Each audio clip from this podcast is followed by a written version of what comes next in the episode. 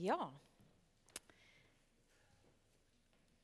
Her i um, Hvis ikke du visste det, så er du altså i en misjonskirke akkurat nå.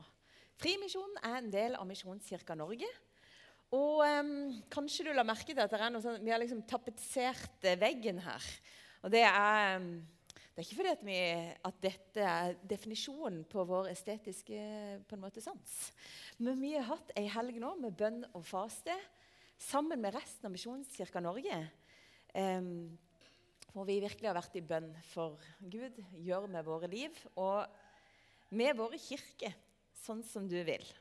Og så er Jeg glad for, jeg er veldig takknemlig for faste. altså. Syns det er godt å få hjelp til å få rydda plass. Så jeg er glad for at det kommer en faste om bare noen uker til igjen. Eh, og så er jeg veldig glad for at jeg kan eh, eh, At jeg kan spise ordentlig på kirkegaffien etterpå.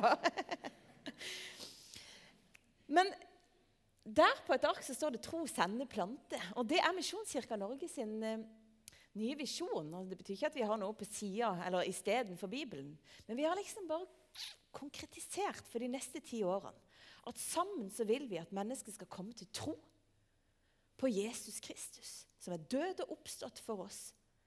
Vi vil prøve å fatte hva det betyr når det står i Bibelen at vi er sendt av Gud. På samme måte som Jesus var sendt inn i verden, så er vi sendt med gode nyheter. Og vi har lyst til å sende mennesker til nye steder, sånn at nye mennesker kan bli kjent med, med Gud. Og så har vi òg skrevet 'plante'. Tro, sende, plante. Vi vil plante nye fellesskap. Der hvor ikke så mange vet hvem Jesus er. Vi har lyst til å plante nytt, godt arbeid der hvor vi allerede er. Å være godt planta i Gud, det ønsker vi å være. Så nå har du altså kommet. Altså, de lo av meg barna før jeg gikk opp, så sa de, er det den du alltid gjør noe galt med. Ja, jeg glemmer den, eller så trykker jeg feil. Nå skal vi se. I dag har du kommet til første eh, talen i Vi har altså snakka om tro, vi har snakka om sende, og nå skal vi begynne å snakke om plante. Og det må jeg si at jeg syns var veldig gøy at det sammenfalt med såmannssøndagen i kirkeåret. Og Vi skal lese fra Lukas kapittel 8, vers 4-15. Mye folk strømmer nå til fra byene omkring. Da en stor mengde hadde samla seg om ham, fortalte han en lignelse. En såmann gikk ut for å så kornet sitt. Og da han sådde, falt noe ved veien. Det ble tråkka ned. Og fuglene under himmelen kom og spiste det opp. Noe falt på steingrunn, og det visna straks straks det kom opp fordi de ikke fikk hvete. Noe falt blant tornebusker, og tornebuskene vokste opp sammen med det og kvalte det. Men noe falt i god jord, og det vokste opp og bar frukt, hele hundre ganger det som ble sådd. Da han hadde sagt dette, ropte han ut, 'Den som har ører å høre med, hør!' Disiplene spurte han hva lignelsen betydde. Han svarte, 'Dere er det gitt å kjenne Guds rikes hemmeligheter.' Men de andre får de lignelser.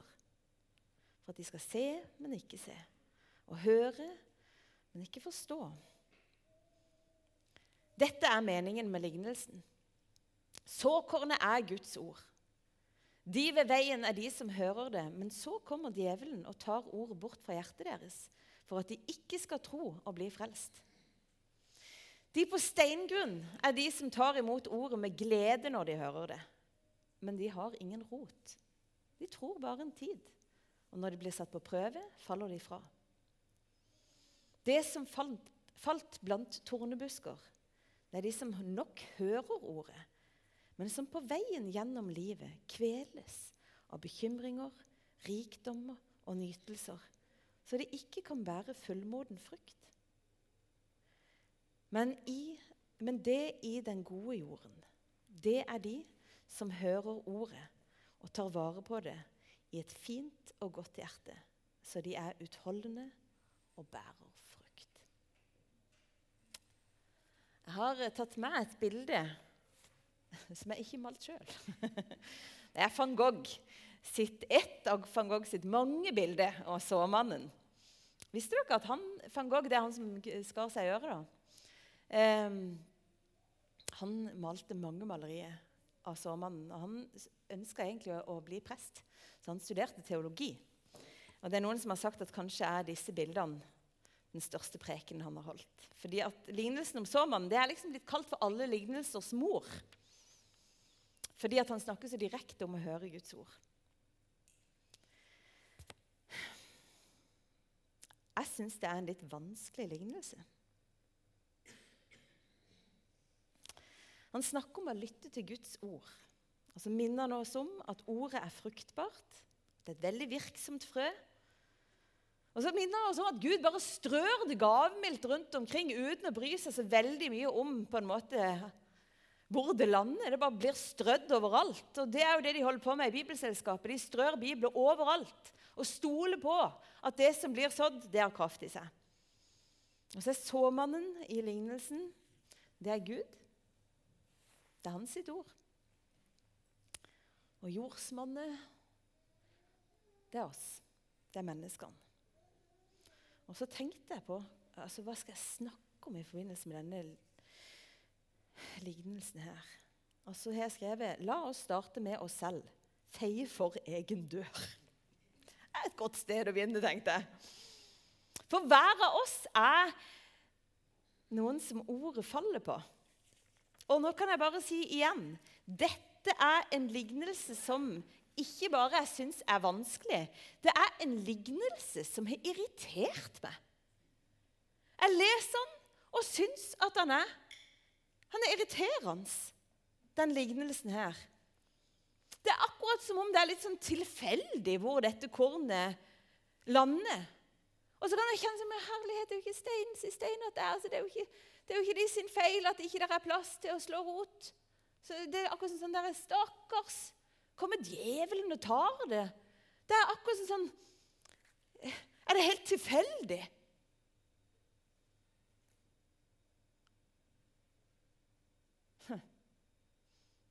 Det irriterer meg.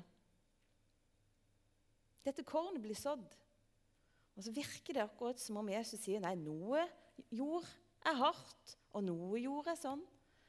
Og så må jeg minne meg sjøl at Jesus Kanskje han istedenfor å si at sånn må det være, og sånn må det være, så kanskje han bare sier Det kan virke som om det er sånn. At noen plass er det hardt. Det kan virke som om det er sånn. At noen plass så blir det rappa vekk før. Det kan virke som om det er sånn. At det dukker opp noen torner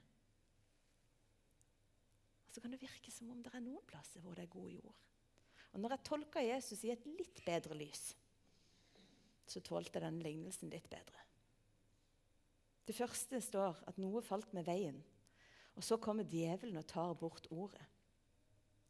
What? tenkte jeg da. Hva mener du, Jesus? Det høres jo ut som de folkene har ikke en sjanse. Her får de ordet, og så bare Oi, det er meg.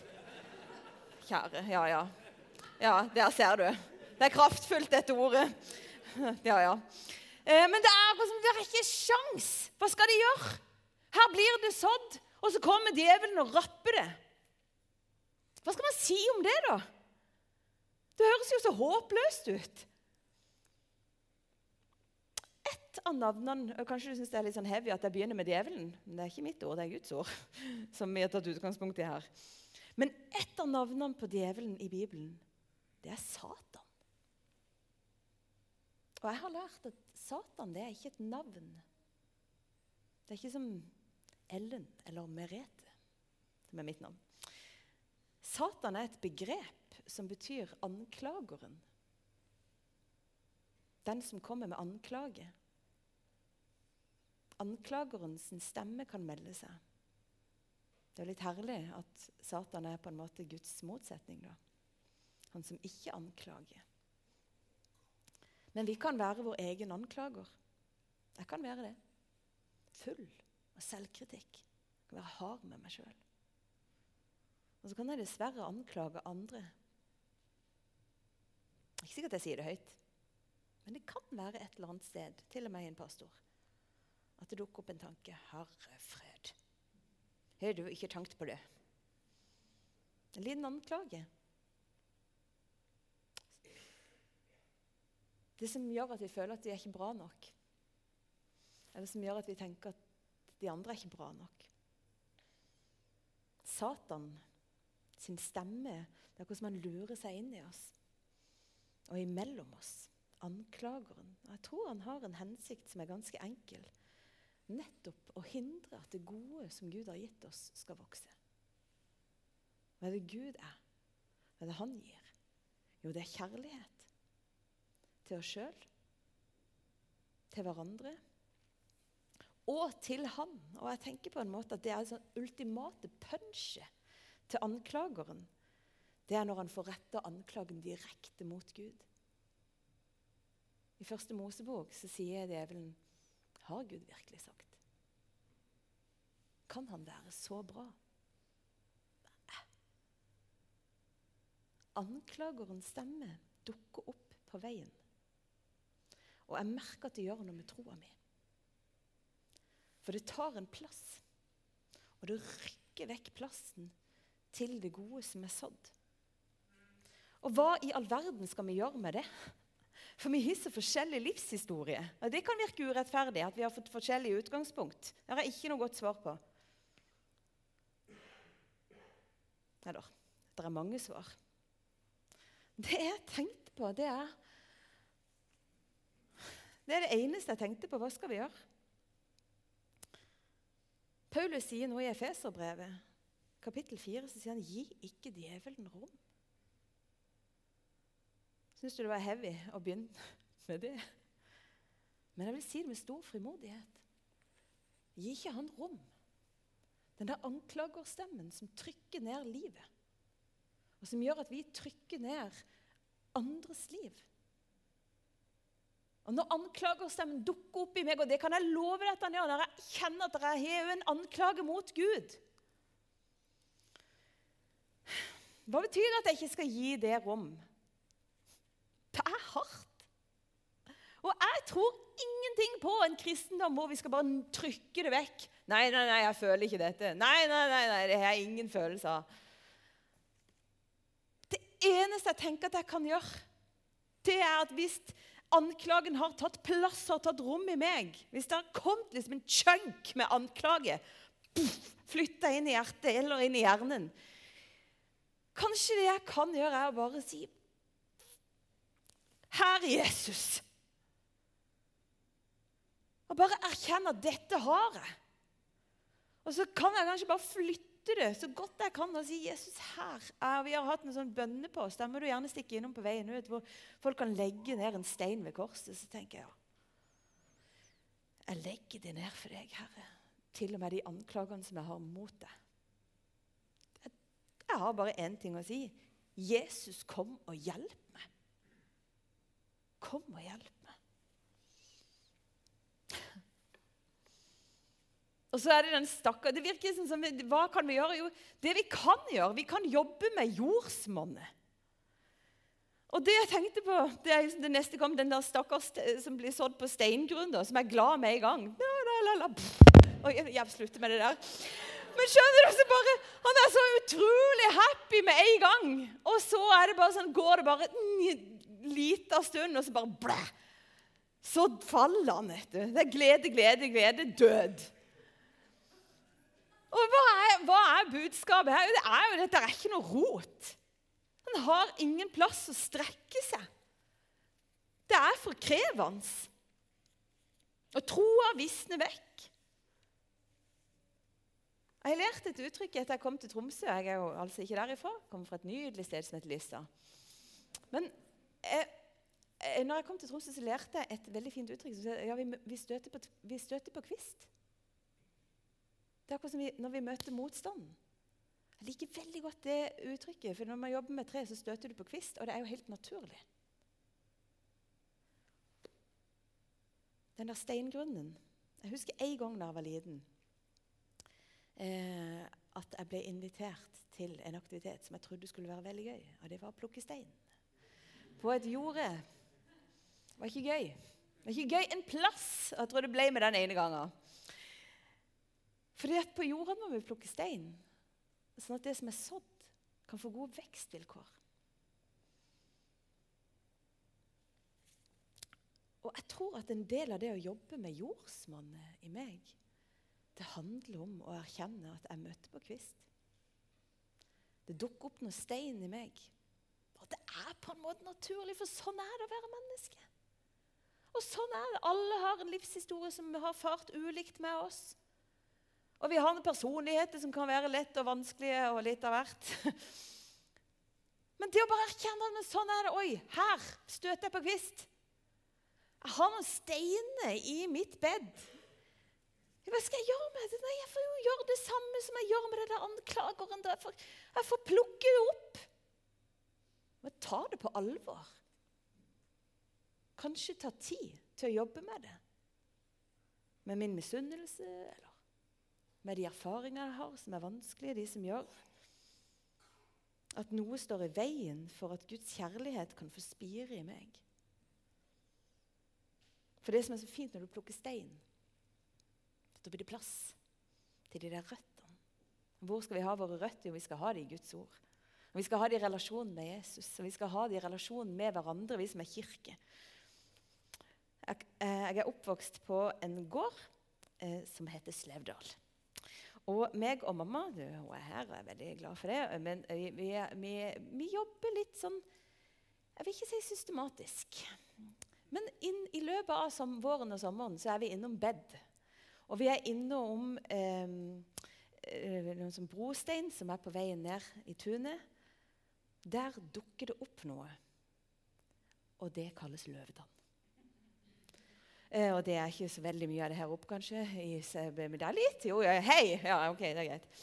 Det er løvetann her. Jeg ser det ikke alltid før jeg drar hjem for sommeren, men Det som er tingen, at vi, vi altså Jeg føler vi tar livet av dem hvert år. Men de har så sterke røtter. Det er så mye liv i dem. Og at de bare dukker opp samme plass, og gjerne på flere plasser.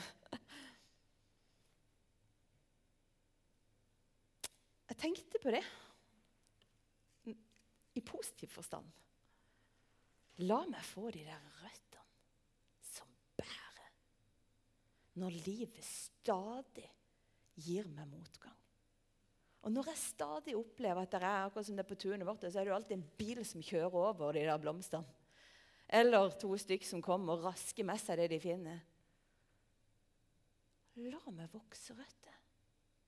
La meg få plukke noe av det i stein. Og la meg erkjenne at de fins.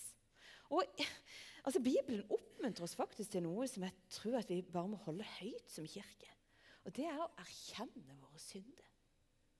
Å erkjenne at det fins noe i oss som gjør at det er vanskelig. Som gjør at det er vanskelig å tro. Og som gjør at det er vanskelig å elske både oss sjøl og hverandre og Gud. Og så tror jeg det at hvis vi da lar rydde litt stein.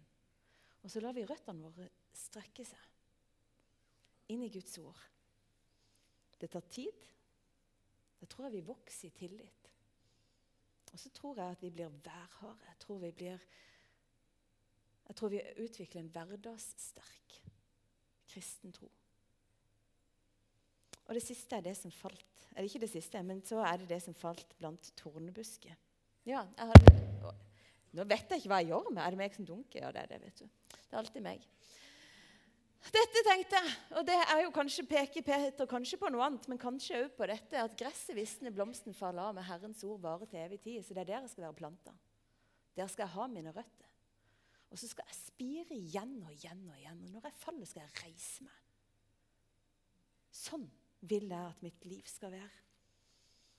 Og så er vi kommet til tornebuskene. Og det tenkte jeg faktisk. Først tenkte jeg dette må jo være den verste delen av lignelsen å peke på i 2023 i Norge. Det er jo nesten bedre å skylde på djevelen enn å innrømme at vi er fulle av bekymring. Og kanskje enda verre at vi er så opptatt av våre privilegier at det står til hinder for at Guds rike kan vokse. Rikdom og nytelse, sier Jesus, står i veien. Det betyr ikke at rikdom og nytelse er synd. Men det kan komme i veien.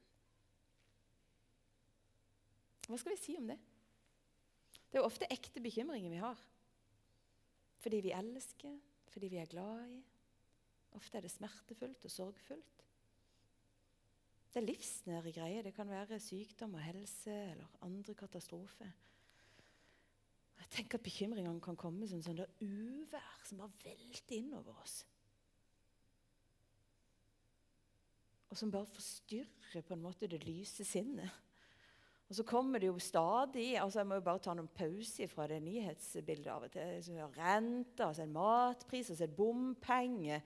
Og så er det liksom Og jeg huska å tenke på ferien, at den skal bli bra nok? Kommer jeg til å bli brun i 2023? Vi får se. Men det er så radikalt at Jesus utfordrer oss på å ikke bekymre oss. Han sier at vi kan stole på Guds omsorg, og han sier også på et, et sted så sier han noe helt vilt, for han utfordrer oss til å slippe tak i noe. En plass så sier han noe som jeg, jeg, helt sånn, jeg hadde blitt rysta og utrolig sur hvis det var meg han sa det til. Så sier han, la de døde begrave de døde. Følg du meg. La det som er dødt, være dødt. Følg du meg. Han vet jo hvem han er, han som er selve livet. Men det er en vanskelig balanse. og jeg tenker på hva, hva, slags råd skal man gi inn i det? Et svar jeg har lyst til å gi til å finne en balanse, det er faktisk å gå til gudstjeneste, men også å bruke fastetid. Det er et slags motstrømssvar, hvor vi rydder plass. Det betyr ikke at du nødvendigvis skal slutte å, å spise, men kanskje det er noe annet du skal rydde vekk for en periode. Å søke Gud. Hva betyr det i mitt liv? Hva skal jeg holde fast på? Hva er dine velsignelser? At Gud ønsker oss gode ferie og god hvile. Men hva er det jeg skal slippe?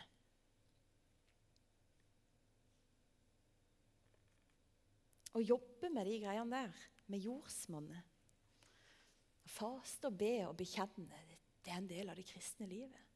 Den måten vi jobber med jordsmonnet på. Jeg tenkte på, Jeg har ei i livet mitt. Jeg er heldig for det er søstera mi. Men vi ringer til hverandre, og så bekjenner vi. Og så ringer ikke jeg og sier 'nå har jeg synda'. Kan være, kan være jeg må si det. Men det, som regel så ringer jeg bare og sier jeg 'jeg har noe jeg må si'. Og da er hun på. Ja, 'Hva da?' Var jeg klar? ja, ja, ja, få sagt det. Og så sier jeg hva det er. Og så har vi nesten gjort det sånn at vi feirer. Sånn at når jeg har sagt til henne, for eksempel, så kan jeg si sånn jeg, jeg, jeg er så misunnelig. Jeg er så misunnelig. Og så sier hun 'Bra! Bra', sier hun. Bra, så bra at du sa det. Og så må vi snakke, og så nøster vi opp i det. Og så er det nesten blitt en sånn ting som vi feirer. Tenk at du fikk den steinen ut av jordsmonnet ditt. Tenk at du fikk rydda opp. Bra! Bra! For da kan vi komme videre til den gode jorda. Og nå skal jeg gå ifra lignelse og til jeg holdt på å si fersk fisk, men jeg skal gå til Jeg skal gå til de som fikk opplevd å leve sammen med han som er ordet Jesus Kristus. For det er, Veldig kort fortalt så er det en fortelling hvor de er med Gnesaretsjøen, disiplene. Og så kommer Jesus. De har vært ute og prøvd å fiske hele natta. Ikke fått noen ting til. Ingenting er blitt bra. Det er, liksom, det er jo lønna deres. Det er full krise. Alt er forferdelig. Og Så går Jesus bort til dem på morgenen der de holder på å bøte garn og fikse opp. og Så sier han Legg ut på dypet og sett garn til fangst en gang til. På den andre sida.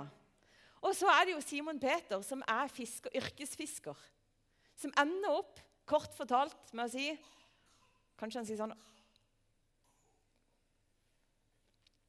På ditt ord.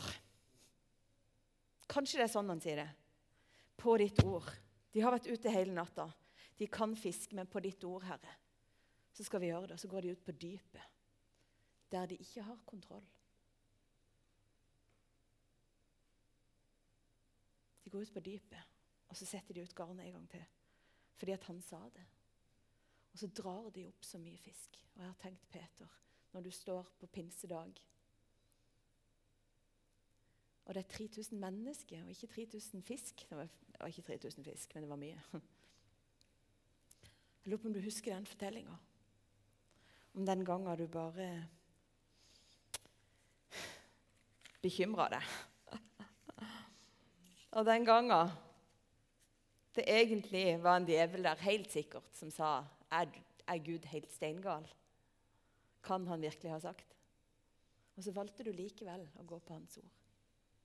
Se hvor du vokser. Se hvilken kraft som fins i det som er sådd.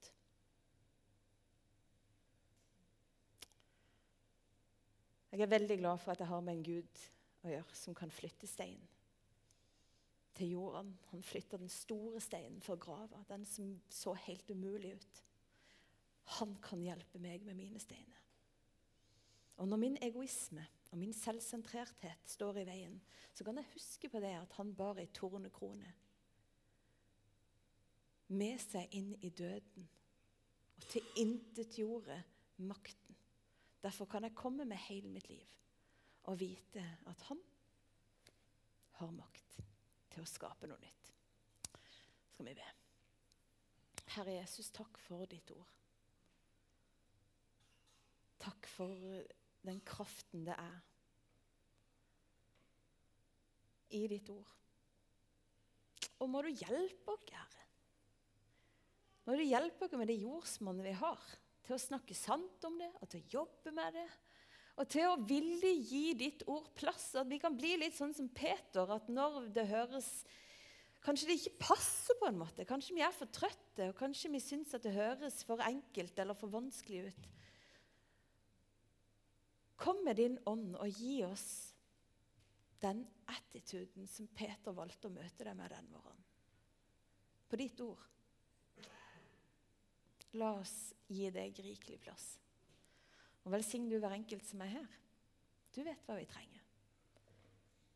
Takk for at du bryr deg om oss sånn som vi har det. Amen.